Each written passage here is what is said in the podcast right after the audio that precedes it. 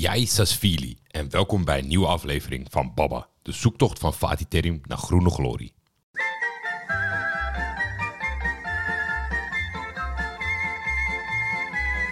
Eerst heb ik te horen gekregen toen ik hier kwam. Hier gaat het alleen maar om winnen in dit land. Dat was de kritiek omdat ik te veel aandacht aan goed voetbal besteedde vorig jaar.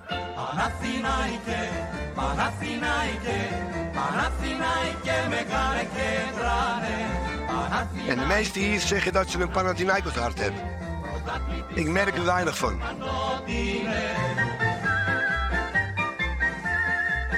De enige die mij bij deze club weg kan sturen... is een man die ik heel erg respecteer, dat is meneer Pateras. En niet jullie.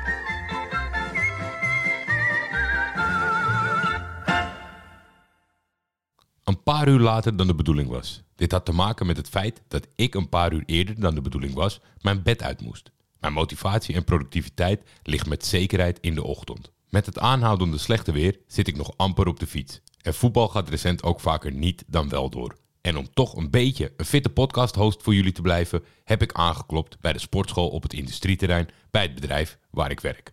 Of hij misschien een vroege plek had op zijn bomvolle agenda. Jawel hoor je bent welkom om half zeven. Nu was ik toevallig de laatste maanden al wat van het wat vroeger opstaan om na 30 jaar weer eens te ontbijten voordat ik aan de dag begin. Maar dit was serieus weer even een flinke stap de andere kant op. Ik kom van een tijd waarbij ik dagenlang nog net niet met de stopwatch uitvolgde wat het allerlaatste moment was om mijn bed uit te komen en nog op tijd op werk te verschijnen. Maar het viel niet tegen, het opstaan dan. Het sporten aan de hand van deze strenge coach viel enorm tegen. Maar alle begin is niet leuk. Nou, genoeg privé niet-Griekse voetbalzaken. Of nou ja, nog eentje dan. Voor de hele trouwe luisteraars. Van alle overige dingen die ik heb gemaakt. Kunnen zich misschien vaag ergens nog herinneren dat ik iets meer dan een jaar geleden vertelde dat ik samen met mijn vrouw een nieuw huis had gekocht. Het is bijna klaar. Maar ik zit nog steeds in de boekenkastkamer, die inmiddels wel leeg is. Daarom is het misschien iets anders qua akoestiek. Maar er is nu wel zekerheid.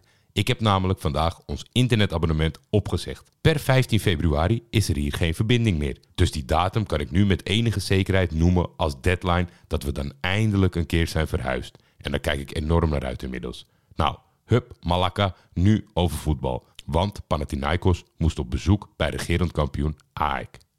Terim kwam weer met voldoende wijzigingen. Maar ik vroeg mij de afgelopen afleveringen af waarom de in mijn ogen betere keeper Brignoli naar de bank is verbannen. Griekenland-expert en vriend van de show Dimitris Nitilis kwam met de broodnodige informatie. Brignoli wil namelijk naar AEK nadat zij hun interesse kenbaar hebben gemaakt. Hij heeft een aflopend contract, dus Panathinaikos boos en straffen hem nu door te eisen dat hij nu op de bank plaatsneemt. Maar na zoveel jaar zonder titel, is dat wel de way to go? Het maakt voor mij in ieder geval momenteel nog duidelijk dat Terim niet de echte baas is in Athene. Het is niet dat Lorigin er niks van kan, maar de andere optie is gewoon wel beter. Het aanstaande gat zou Panathinaikos overigens willen opvullen met een in Nederland bekende keeper, namelijk Barkas van Utrecht. We houden het in de gaten. Voor de aftrap werd ook bekend dat er een nieuwe centrale verdediger is vastgelegd.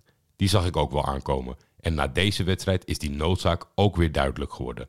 Samet Akaydın verhoudt Fenerbahce op huurbasis voor de Groene. En in Istanbul ging de vlag uit. En dat begrijp ik wel, want Samet heeft daar niet een hele sterke reputatie. Echter heeft Samet recent een paar wereldpotten gespeeld voor de Turkse nationale ploeg. Hij is voorzichtig gezegd niet best met ruimte in zijn rug. En dan moet ik toch wel een beetje lachen dat Fener supporters nu de vlag uithangen en blij zijn dat hij weg is en juichen voor nieuwe aanwist Bonucci, die misschien in zo'n situatie nog wel slechter is als de rest van de ploeg hem dwingt om naar voren te waggelen. Maar dat geheel terzijde. Ik ben benieuwd hoe snel of rustig Terim Samet gaat inpassen in zijn nieuwe ploeg. Linksback Mladenovic mocht weer stuivertje wisselen met Spanjaard Juan Car. Kotsiras ging net als in de slotfase tegen Olympiakos een linie naar voren en lieveling van de show Vajanidis kwam daardoor terug in de ploeg als rechtsachter. Het middenveld dat startte tegen Olympiakos was er in zijn volledigheid niet meer. Perez en Seri naar de bank en de geblesseerde Juricic was er natuurlijk niet bij. Dus kwam onze Tony Filena terug in de ploeg en Bernard maakte het trio compleet door een positie naar achteren te komen. Tot mijn verbazing mocht Verbic het een keer vanaf de aftrap proberen op linksbuiten. Almeida kwam met niet veel verrassingen en startte wat denk ik op papier momenteel zijn sterkste elf is van de beschikbare spelers.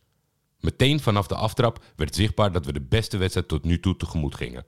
AEK had er zin in en Panathinaikos kon snel in het vereiste tempo meegaan. Maar de thuisploeg bleef wel even stormen en had de bovenhand. Lekker hoog tempo dus, goed veldspel, maar voor beide ploegen reikte dat maar tot aan de 16 meter van de tegenstander. Tot dan toe weinig grote kansen nog. De scheidsrechter ging dit lekkere tempo ook een beetje in de weg zitten.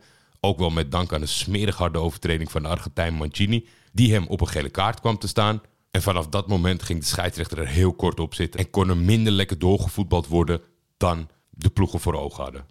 Net op het moment dat Panathinaikos in de wedstrijd aan het groeien was, kwam er een schitterende paas van Damian Simanski, die natuurlijk Jetfai door veel te laten stappen tot assist promoveerde, omdat door zijn geslaap Levi Garcia vrij voor de keeper kwam te staan. Met zijn snelheid vanaf de eigen helft kom je daar nooit meer bij, al deed Jetfai nog wel een aardige poging. Een terechte voorsprong voor AEK. Maar na het doelpunt scande ik het stadion. En buiten de bank, wat bestuursleden en ballenjongens, zag ik niks. Maar ik hoorde echt dat weet ik zeker, veel meer mensen dan dat groepje juichen. En niet veel later dacht ik zelfs ook nog eens vuurwerk te horen. En dan, pling, Twitter DM, Bas. Hey, ik ben toevallig in Athene in de buurt van het Ajax-stadion. Toch even kijken hoe de wedstrijd Ajax Panathinaikos zonder publiek beleefd wordt. Veel supporters in bars om het stadion en gek genoeg ook in de bars in het stadion. Daar in de catacombe ook extra schermen neergezet, dat mag blijkbaar wel. Opmerkelijk. Ik probeer een filmpje te sturen van de situatie van vlak na de 1-0, Groetjes van een trouwe luisteraar. En ineens zat ik daar op de bank, terwijl ik zelf twijfelde van waar komen al deze geluiden vandaan. En had ik een filmpje van de situatie rondom het stadion van AEK. Echt fantastisch pas. Het is lastig uitleggen, maar dit zijn van die momenten van luisteraarsinteractie die zo een heerlijke schoonheid hebben voor mij. Dat ik uiteindelijk altijd wel iets zal proberen te maken voor, maar vooral met jullie. In het volgende bericht bevestigde hij ook nog het vuurwerkverhaal van mij en liet hij zijn clubvolk doorschemeren. Want het bericht ging als volgt. Ik had hem namelijk in de tussentijd verteld dat ik ook het vermoeden had op de tv-registratie dat er meer mensen waren. Grappig dat het zo goed te horen is. Best wat vuurwerk ook na de goal vanuit de hele wijk. In de rust staat iedereen weer buiten het stadion tegen een boom te pissen, want de wc's in het stadion zijn niet toegankelijk. Mooi modern stadion wel voor Griekse begrippen. Goede plek voor Ajax om in de Conference League finale het seizoen te redden. Nog een goede tijd daar Bas en dank voor je update vanuit Athene. Verder met de wedstrijd. Jetfai had een bepaald geluk dat je toch zo vaak ziet in het voetbal. Ik blijf me daarover verwonderen. Het is ook gewoon vaak dat iemand die een eigen doelpunt bijvoorbeeld maakt, oké dan behalve Sven van Beek, zijn foutje goed kan maken in diezelfde wedstrijd, vaak met een doelpunt. En zo dus ook Tim Jetwai, die een prachtige voorzet van Juan Car binnenknikte. Vanaf dat moment was Panathinaikos echt wel de betere ploeg van de twee tot aan de rust. En ook na de rust wisten ze dit overwicht eigenlijk vast te houden, eigenlijk wel tot aan het einde van de wedstrijd. Na 66 minuten beloonde de ploeg zichzelf met een knappe voorsprong. Heerlijk boogballetje vanuit de vrije trap van Bernard. Op maat voor Kotsiras, die hem volbracht. En William Arao, die hem met een halve volley achter Stankovic trapte. En dan krijg je als underdog op bezoek altijd die twijfel in de ploeg. Doordrukken of consolideren. Echt doordrukken lukte niet meer. Maar heel gevaarlijk wist Ike ook niet meer te worden. Zeker zonder die extra pressie van hun eigen supporters. Terim wreef al in zijn handen over het gapende gaatje dat ging ontstaan tussen beide ploegen, maar het wrijven kwam net iets te vroeg.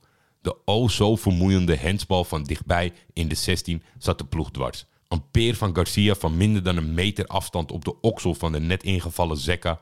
Penalty en Garcia zelf schiet hem onberispelijk binnen in de 95ste minuut. En op die manier was Panathinaikos toch nog de morele verliezaar. In een duel waar je misschien wel tegen verwachting grotendeels de betere was. Terry moet de ploeg oppoetsen voor de aankomende return aanstaande woensdag tegen Olympiakos. En omdat hij niet in mijn wedstrijdverslag zat, wil ik toch weer een lofzang geven aan Fotis Ioannidis. Wat een monster, een machine. Ajax heeft echt een fysiek ijzersterk duo in Ajax-vriend Doimego Vida en Peruaan Alexander Kalens. Maar hij bleef ze maar opzoeken gedurende de hele wedstrijd en als winnaar kwam hij steeds uit de strijd. Ongekend knap. Door de tactische keuze dat hij een beetje alleen daarvoor alle posities moet bekleden. Maar ik denk ook door hoe hij is als speler, gaat hij echt nog veel te onzorgvuldig om met zijn energie. Maar als hij dat op een bepaald niveau krijgt, als hij daar slimmer mee omgaat, dan is het echt een spits die niet te houden. Een lust voor het oog met mega veel potentie. Dan de overige uitslagen.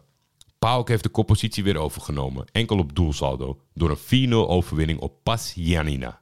Olympiakos met hakken over de sloot tegen de nummerlaat Kifisias met een 2-3 overwinning. Fran Navarro heeft zijn eerste doelpunt te pakken voor zijn nieuwe werkgever.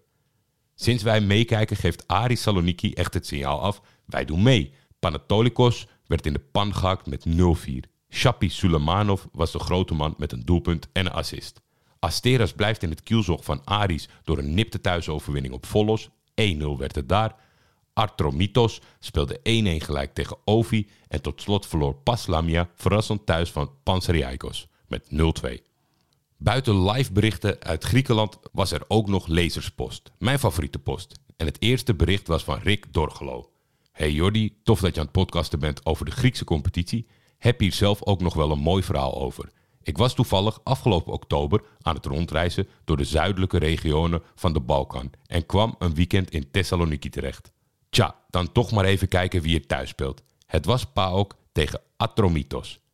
Nou, dat leek me wel wat. Op de website kon je gewoon nog een kaartje kopen en hoppa, op naar de wedstrijd. De Toomba waar PAOK in speelt is prachtig. Het heeft iets weg van de Kuip, maar dan nog slechter onderhouden. Geef dat even een plekje, luisteraars. Het heeft vier prachtige oude stadionlampen die buiten het stadion staan en alleen op de hoofdtribune zit een overkapping. Onderweg naar het stadion viel het me al op dat overal mensen blokken piepschuim aan het verkopen uitdelen waren. Ik trok me hier niet veel van aan en dacht nog even snel: dit zou toch geen gekke derby zijn? Nee, het was dan ook geen derby. Het piepschuim bleek om op te gaan zitten, want die kuipstoeltjes in de Toomba zijn zo slecht dat je broek er enorm vies en kapot van gaat. De wedstrijd was verder prima. Solide 2-0 overwinning met twee goals van de Rus Osdoyev. Eén daarvan met een heerlijk subtiele omhaal. Hetgene wat me toch het meest bij zal blijven van de wedstrijd waren de fans. De PAOK Ultras gingen echt 90 minuten lang volle bak. Ondanks dat het een wedstrijd was tegen een kleine tegenstander. Ikzelf zat lekker op de lange kant en werd gevraagd om een foto te maken van een groep mannen en hun kinderen. Nadat de mannen erachter kwamen dat ik een toerist was, moest ik per se tussen hen in de wedstrijd komen kijken. Ze vonden het helemaal fantastisch dat ik er was. Ik mocht de hele wedstrijd gratis meedrinken en sigaretten meeroken. De mannen vertelden mij dat ze vroeger ook ultras waren, maar nu ze getrouwd waren en kinderen hadden, was dat niet meer verstandig. Wel mochten ze met z'n allen van de vrouw nog één Europese uitwedstrijd per jaar bezoeken. Ik kreeg prachtige foto's te zien van een groep Grieken die de tijd van hun leven hadden in Helsinki, waar ze waren bij HJK tegen PAOK. De mannen vertelden mij ook het volgende over het Griekse voetbal. Het valt namelijk te omschrijven in twee zinnen. De Atheense clubs zijn allemaal onderdeel van de maffia. En ten tweede, het maakt niet uit wat er op het veld gebeurt, gewoon malakka roepen en het is goed. Al met al, het Griekse voetbal is gewoon geweldig. Misschien niet qua niveau, maar absoluut qua passie.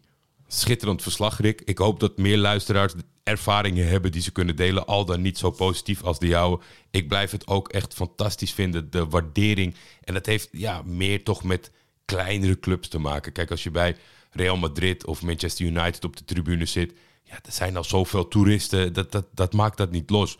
Maar ik weet nog heel goed dat wij in Barcelona waren en uh, Fik was nog heel klein.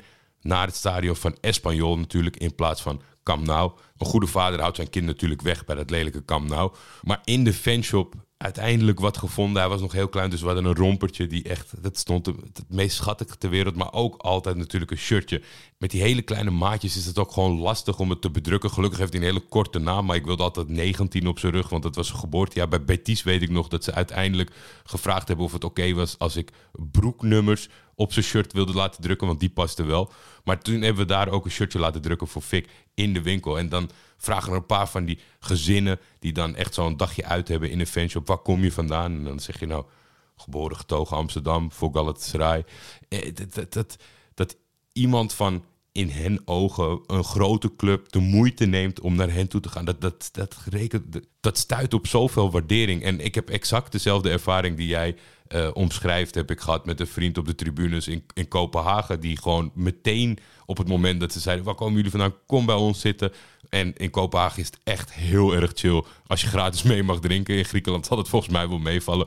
Ja, dat is altijd het mooie. Ik heb heel veel pech bij het uitkiezen van vakanties om dat te matchen met voetbal. Ik doe dat niet vooraf en word daardoor altijd met mijn neus op de feiten gedrukt.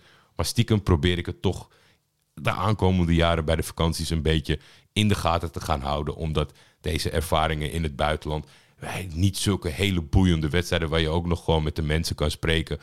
Uh, dat is gewoon fantastisch. Dankjewel Rick. Op naar het volgende bericht. De volgende tegenstander ga ik ditmaal niet ruim bespreken met jullie, want het is dus Olympiakos. Het is woensdagavond om 8 uur. 1-1 is de uitgangspositie. En we hopen natuurlijk met z'n allen dat Panathinaikos een ronde verder komt. Tot donderdag. Baba is een Schietvogeltje Media original. De intro's van de legendarische Jacco den Hertog. Voor al je vragen, opmerkingen, input, mailen naar schietvogeltjemedia.gmail.com.